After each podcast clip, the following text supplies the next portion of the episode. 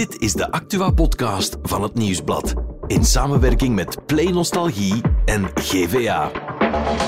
Het is vandaag 12 september en de zaak Dries van Langenhoven is weer uitgesteld. Bisschop Johan Bonny ligt zwaar onder vuur na uitspraken over operatie Kelk. En in Blankenberge is de inkomhal van het gemeentehuis bezaaid met boeken. Maar in deze Insider gaan we eerst naar Marokko.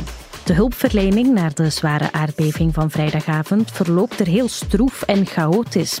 Wat kunnen wij nu doen om hen te helpen? Mijn naam is Celine Bruindonks en dit is de Insider. We hebben vastgesteld met onze eigen ogen dat er eigenlijk niks meer recht stond. Ehm, mensen leefden op straat, alle gebouwen waren ingestort en heel opvallend was dat daar ook in het hele dorp een, een, een ja, verschrikkelijke lijkgeur hing. Ehm, er liggen nog honderden lichamen onder het puin die niet geborgen uh, zijn geweest of niet tijdig zijn uh, geborgen geweest, omdat reddingsteams daar maar pas heel laat zijn toegekomen. Je hoorde David van Turnhout, reporter van GVA. Hij bevindt zich in het zwaarst getroffen gebied van de aardbeving. Hij bezocht Talat en Yacoub in het Atlasgebergte op zo'n 90 kilometer van Marrakesh. Intussen zijn er al 2900 doden geteld en dat aantal zal nog oplopen, want de bergdorpjes zijn heel moeilijk bereikbaar en dus is er geen overzicht van de schade en de slachtoffers. En dat ziet ook David. We hebben een, een gevolgd dat dus voedselpakketten uh, probeerde uit te delen. Maar dat geraakte niet tot boven in die dorpen. En dan heeft men eigenlijk er niet beter op gevonden dan uh, ezels uit die dorpen te laten komen en die dan vol te laden met uh, zakken met daarin voedsel en luiers en, en andere zaken, uh, levensnoodzakelijke spullen. Ja, en dan heeft men die ezels naar boven gestuurd en, en zo kan daar toch een soort geïmproviseerde hulpverlening tot stand komen. Maar die situatie is uiteraard schrijnend. Hè. Um, zoals ik daarnet al zei, liggen er nog heel veel lichamen onder het puin. Um, er is geen stromend water, er is geen elektriciteit Um, ja, mensen moeten hun behoeftes doen achter de ingestorte gebouwen of op parkings. En ik ben er zeker van dat dat uh, ja, op het vlak van hygiëne uh, enorm grote problemen gaat geven. De chaos is daar dus compleet en dus is er veel nood aan hulp, ook uit ons land. En bij ons is er veel solidariteit, vooral dan in de Marokkaanse gemeenschap. Journalist Thibaut Ranson van Nieuwsblad ging langs bij het Gentse inzamelpunt voor noodhulp. Dag Thibaut. Dag Celine. Jij bent dus langs gegaan bij, vrijwilligers die goederen inzamelen om de Marokkaanse bevolking te helpen. Hoe was dat? Ja, dat klopt. Eh, het was een aan- en aflopen van mensen in Gent. Het was in de buurt van uh, Gent-Dampoort, station dat uh, vele mensen wel, wel kennen. Ja. Um, en daar was er een VZW die de deuren had opengezet en zeiden van kijk, ja, wij gaan fungeren als inzamelpunt voor noodgoederen, um, voor, voor hulp naar, uh, naar Marokko. Um, en dat was een aan- en aflopen van mensen. Om de hoek had je de Colruyt. Ja. Even wat verder heb je de Action nog een paar honderd meter verder heb je Decathlon. Wel, mensen kwamen echt aangereden rechtstreeks van de Colruyt, van Action, van Mhm. Decathlon met volle winkelkarren en zelf gehuurde bestelwagens omdat hun auto te klein was. Om effectief ja, daar halve rekken leeg te halen en dekens, tenten, eh, babyvoeding, eh, droge voeding, ehm, verzorgingsproducten, eh, douchegel, Ja. Al het nodige eh, in te zamelen en daar te droppen eh, in het inzamelpunt in Gent. Ja, en welke mensen zie je daar dan zoal passeren? Is dat dan vooral de Marokkaanse gemeenschap? Grotendeels, ja. Mhm. Ehm, grote Marokkaanse gemeenschap in België en ook in Gent. Ehm, dus de meeste mensen die daar eh, goederen kwamen leveren eh, zijn Marokkaanse Belgen, Marokkaanse Gentenaars. Ehm, sommige eh, effectief met getroffen familie vanuit de, Ja. de gebieden. Er was daar een, een vrijwilliger ehm, ja, dozen aan het sorteren en inladen. En terwijl ze een doos gesorteerde douchegel ehm, aan het dichtplakken was met tape, vertelde ze me hoe haar verre tante ehm, gestorven is in, in een ingestorte huis en haar neefje ook eh, omgekomen was. Dus grotendeels, maar zeker niet uitsluitend. Eh, je had ook heel wat Gentenaren, laten we zeggen, die geen eh, roots hebben in Marokko, geen enkele bijzondere band hebben met Marokko, maar gewoon wouden helpen en, en de handen uit de mouwen Ja. staken en, en kwamen aangereden vanuit de winkels of met dekbedden die ze op kast, op zolder liggen hadden om dat daar in te leveren. Ja, veel, veel mensen, veel solidariteit, veel goederen dus ook. Dat vraagt wel wat organisatie, denk ik dan. Wie organiseert dat dat nu? Is dat een grote hulporganisatie of eerder een kleinschalig initiatief? Ja, waar ik geweest uh, ben, uh, met name was in Al-Minara, zeg ik het mhm. juist? Al-Minara, VZW. Uh, betekent Marokkaans vuurtoren. Okay. Um, ze willen het licht, dat hun, hun mission statement, het licht in donkere mm -hmm. tijden willen ze doen branden. En ja, en dat doen ze eigenlijk al twintig jaar, ook in het Atlasgebergte. Uh, okay. Dus ze hebben daar contact met lokale organisaties. Dus heel veel van wat zij doen, um, mm -hmm. is eigenlijk rechtstreeks in verband met lokale organisaties daar in het Atlasgebergte, die al jaren ja. weeskinderen daar gaan ondersteunen. Uh, kinderen met een beperking, um, kwetsbare gezinnen die het moeilijk hebben, zorgen ze voedselbedeling voor. Dus die, zijn, die kennen de noden van het gebied. Die weten ook hè, wat er nodig is en op welke manier het daar in goede handen kan terechtkomen. Ja. En die organiseren eigenlijk dat inzamelpunt in Gent. Dus die zorgen ervoor met hun kennis op het terrein um, dat, die, dat die zaken ja, daar ja. goed kunnen terechtkomen. En wat hebben ze dan vooral nodig? Welke spullen hebben ze zeker nodig en welke zijn een beetje overbodig? Ja, ja um, de vrouw van Alminara, want het is een, een, mm -hmm. een, vrouwenbeweging zou je kunnen zeggen. Het is een, een vereniging van Vlaamse moslima's. Ja. Um, die zeggen alles. Okay. maar ik heb ook een heel goed bedoelde um, gift gezien van een doos zeevruchten, van een, van een heel ja. dure merk, chocoladezeevruchten. Uh, was nu niet direct iets wat ze gingen opsturen nee. naar Marokko, maar in principe gaat het over tenten. Vooral ja. tenten zouden ze nog nodig hebben. Uh, dekens, uh, lampen, uh, verzorgingsproducten, mm -hmm. hygiënische producten, babyvoeding, droge ja. voeding. al dat soort zaken kunnen ze nog altijd gebruiken en sturen ze naar Marokko. Ja, de solidariteit is dus groot bij ons. En ook in Marokko zelf is de solidariteit groot. Dat zegt ook David. Iets anders wat mij um, zal bijblijven is de enorme solidariteit die hier tot stand is gekomen onder uh, de Marokkanen. Wij hebben uh, ja, tijdens onze reportage een wilrijkenaar gevolgd, Younes. Um, die was hier al op het moment dat de aardbeving plaatsvond. Die was zodanig onder de indruk dat hij ja, zich heeft geëngageerd om uh, heen en weer te rijden tussen Marrakesh en de getroffen dorpen. Als je weet dat die rit telkens zes uur duurt en dat je geen andere keuze hebt dan in de auto te slapen zodra je daar ter plaatse uh, bent, ja, dan besef je uh, hoe groot die inspanning is uh, die die mensen zoals Younes dagelijks leveren. En um, ja, dat is toch wel heel knap om te zien dat die solidariteit zo groot is. Thibaut, nog even terug naar de spullen in Gent. Hoe gaan die daar geraken? Want dat is toch niet evident, hè? Marokko is niet bij de deur.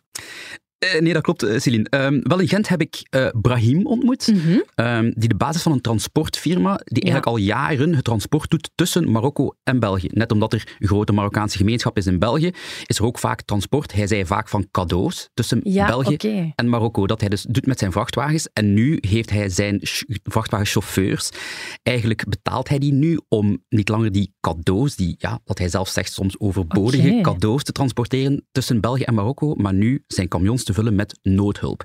Dus ja. vanuit Gent gaat het met kleine camionetjes um, en aanhangwagens gaat het mm -hmm. naar zijn grote camions, vrachtwagens in Charleroi. Ja. En van daaruit stuurt Brahim zijn chauffeurs van Charleroi rechtstreeks naar Marokko. Ook een groot gebaar. Absoluut, ja. Hij zegt normaal, ja, stuur ik dus cadeaus, misschien wat overbodige mm -hmm. cadeaus op.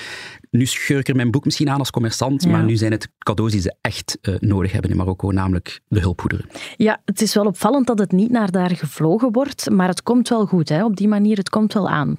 Het komt wel aan, ja, ja, ja. dat verzekeren ze. En zeker met de ervaring die ze hebben met de lokale organisaties daar, is het voordeel uh, dat er weinig geëxperimenteerd moet worden en dat ze weten hoe uh, de hulp daar uh, goed terecht kan komen. Nu, wat ook wel opvallend is, blijkbaar aanvaardt Marokko ook niet alle hulp. Ze hebben bijstand aanvaard van Spanje, het Verenigd Koninkrijk, Qatar, Saoedi-Arabië en de Verenigde Arabische Emiraten. Maar ze vragen dus geen hulp aan ons land en weigerden ook hulp van Frankrijk, dacht ik. Hè? Ja, dat is heel opvallend, hè, Celine. Mm -hmm. um, daar is de redenering van de regering: um, meer hulp zorgt voor contraproductiviteit. Dus ja. lees is nadelig, uh, hebben we niet nodig. Tuurlijk, dat klopt ook wel in de internationale hulpverlening. Als je zomaar alle deuren openzet en iedereen zomaar ja. laat hulp verlenen, ja, dan zal dat wel op een manier contraproductief zijn. Je moet dat op een manier kunnen mm -hmm. organiseren, uh, zodat er geen chaos uitbreekt. Maar nu bijna alle hulp weigeren, zeker, ja. we zijn nu ondertussen al dinsdag. Ehm, Mhm. Ja, eh, sinds zondag is er geen enkel land meer eh, de toegang tot Nee. Marokko eh, via hulpverlening eigenlijk toegezegd. Ja, dat is wel heel vreemd. Ja. Net omdat er op dit moment er zijn reporters, we hebben net David gehoord, er zijn reporters die in gehuchten zitten, waar er nog steeds mensen onder het puin zitten, waar Ja. reporters staan, maar die nog geen reddingswerker gezien hebben. Dus Ja. het kan wel tot daar komen. Maar goed, ja, het is een soort trots, denk ik, die, die Marokko zal moeten, Mhm. eh, de regering dan toch uit zijn, zal moeten ehm, ja, opzij zetten. Ze hebben al jaren proberen ze een, een leidende rol te spelen in Afrika. Ehm, willen ze ja, weg van dat koloniale imago, Mhm. allemaal heel verstaanbaar natuurlijk. Ehm, maar het is niet zo dat je nu in zo'n grote crisis zegt van wij hebben hulp nodig, dat je daardoor ja, geen trotse natie kan zijn. Dus ik denk dat Marokko dat wel eh, van zich af zal moeten schuiven. Ja, nu, ons land kan dan niet officieel een team sturen, maar dat wil niet zeggen dat we totaal niet kunnen helpen. Hè? Wat kunnen wij doen als burgers? Wel ja, als burgers, zeker in de omgeving van- Mhm. van Gent, zou ik al zeggen, heb je dekens eh, op overschot die, eh, die nog bruikbaar zijn? Eh, of, of kan je eens passeren langs de Decathlon, de Action Ja. of de Colruyt of een of andere welke winkel? Ehm, het is altijd, altijd nog mogelijk om hulpgoederen te gaan leveren in Gent eh, voor mensen in de regio. Ehm, is te doen op de parking van de Colruyt op de Dendermondse. Steenweg. Ja. Ehm, en verder geld. Hè. Geld is ook ehm, nodig, uiteraard. En daarvoor kan je terecht op de website 1212. Dus het consortium 1212 ehm, heeft alles eh, op poten gezet dat mensen daar rechtstreeks eh, goede kanalen geld kunnen leveren. Maar je ook verzekert dat dat daar in goede Ja. handen terechtkomt. Wat ga jij doen om te helpen? Ik eh, heb al een beetje geld gestort. Oké. Ehm, en eh, ik heb gisteren toch ook, ik, ik, ik moest er zijn voor verslag natuurlijk. Ehm, en ik heb toch ook af en toe eh, een, een, een doos ook opgepakt en dichtgeplakt om toch ook zo mijn steentjes te kunnen bijdragen. Dat is Ehm, mooi. En ik hoop toch ook met de reportage dat we, dat we op een manier een steen Mhm. kunnen verleggen. Dankjewel voor deze uitleg. Graag gedaan, Celine. En voor het andere nieuws is Bert erbij komen zitten. Dag Bert. Dag Celine. De rechtszaak rond Schild en Vrienden en de oprichter Dries van Langenhoven wordt zoals verwacht uitgesteld. Hoe is dat gelopen?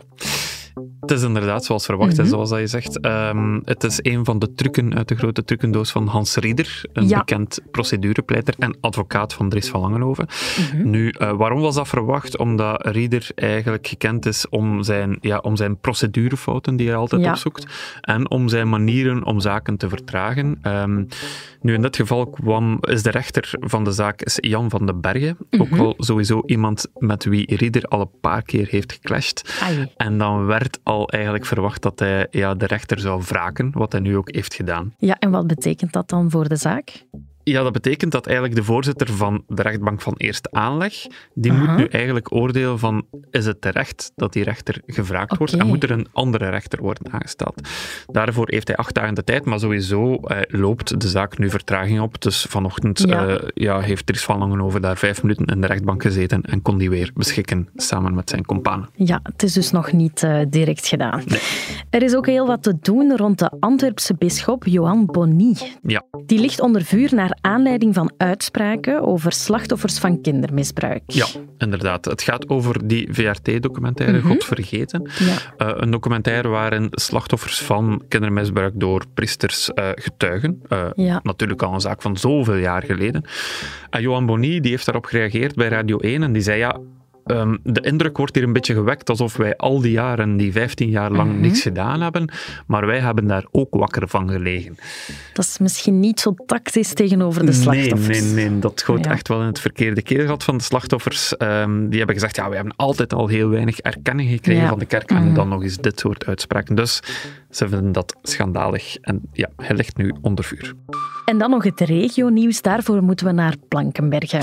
Ja, heb je de foto gezien op de site? Nee, eigenlijk Ja, niet. dat is heel eh. grappig. Eh, dus als, er is een foto van de inkomhal van het stadhuis van, eh, van Blankenbergen. En ehm, ja, het ziet er heel kunstzinnig uit. Dus je ziet zo'n grote hal met allemaal boeken die openstaan. Aha. En het lijkt, ik zeg het zo, een kunstzinnige expo.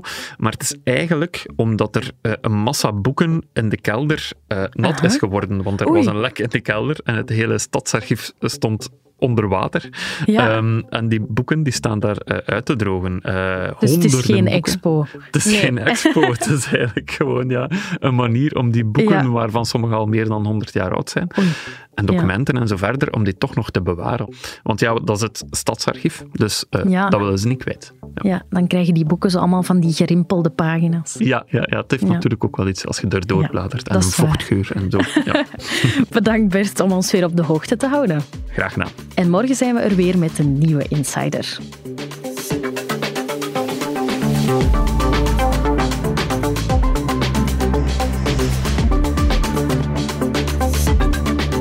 Dit was The Insider, een podcast van het Nieuwsblad in samenwerking met Play Nostalgie en GVA.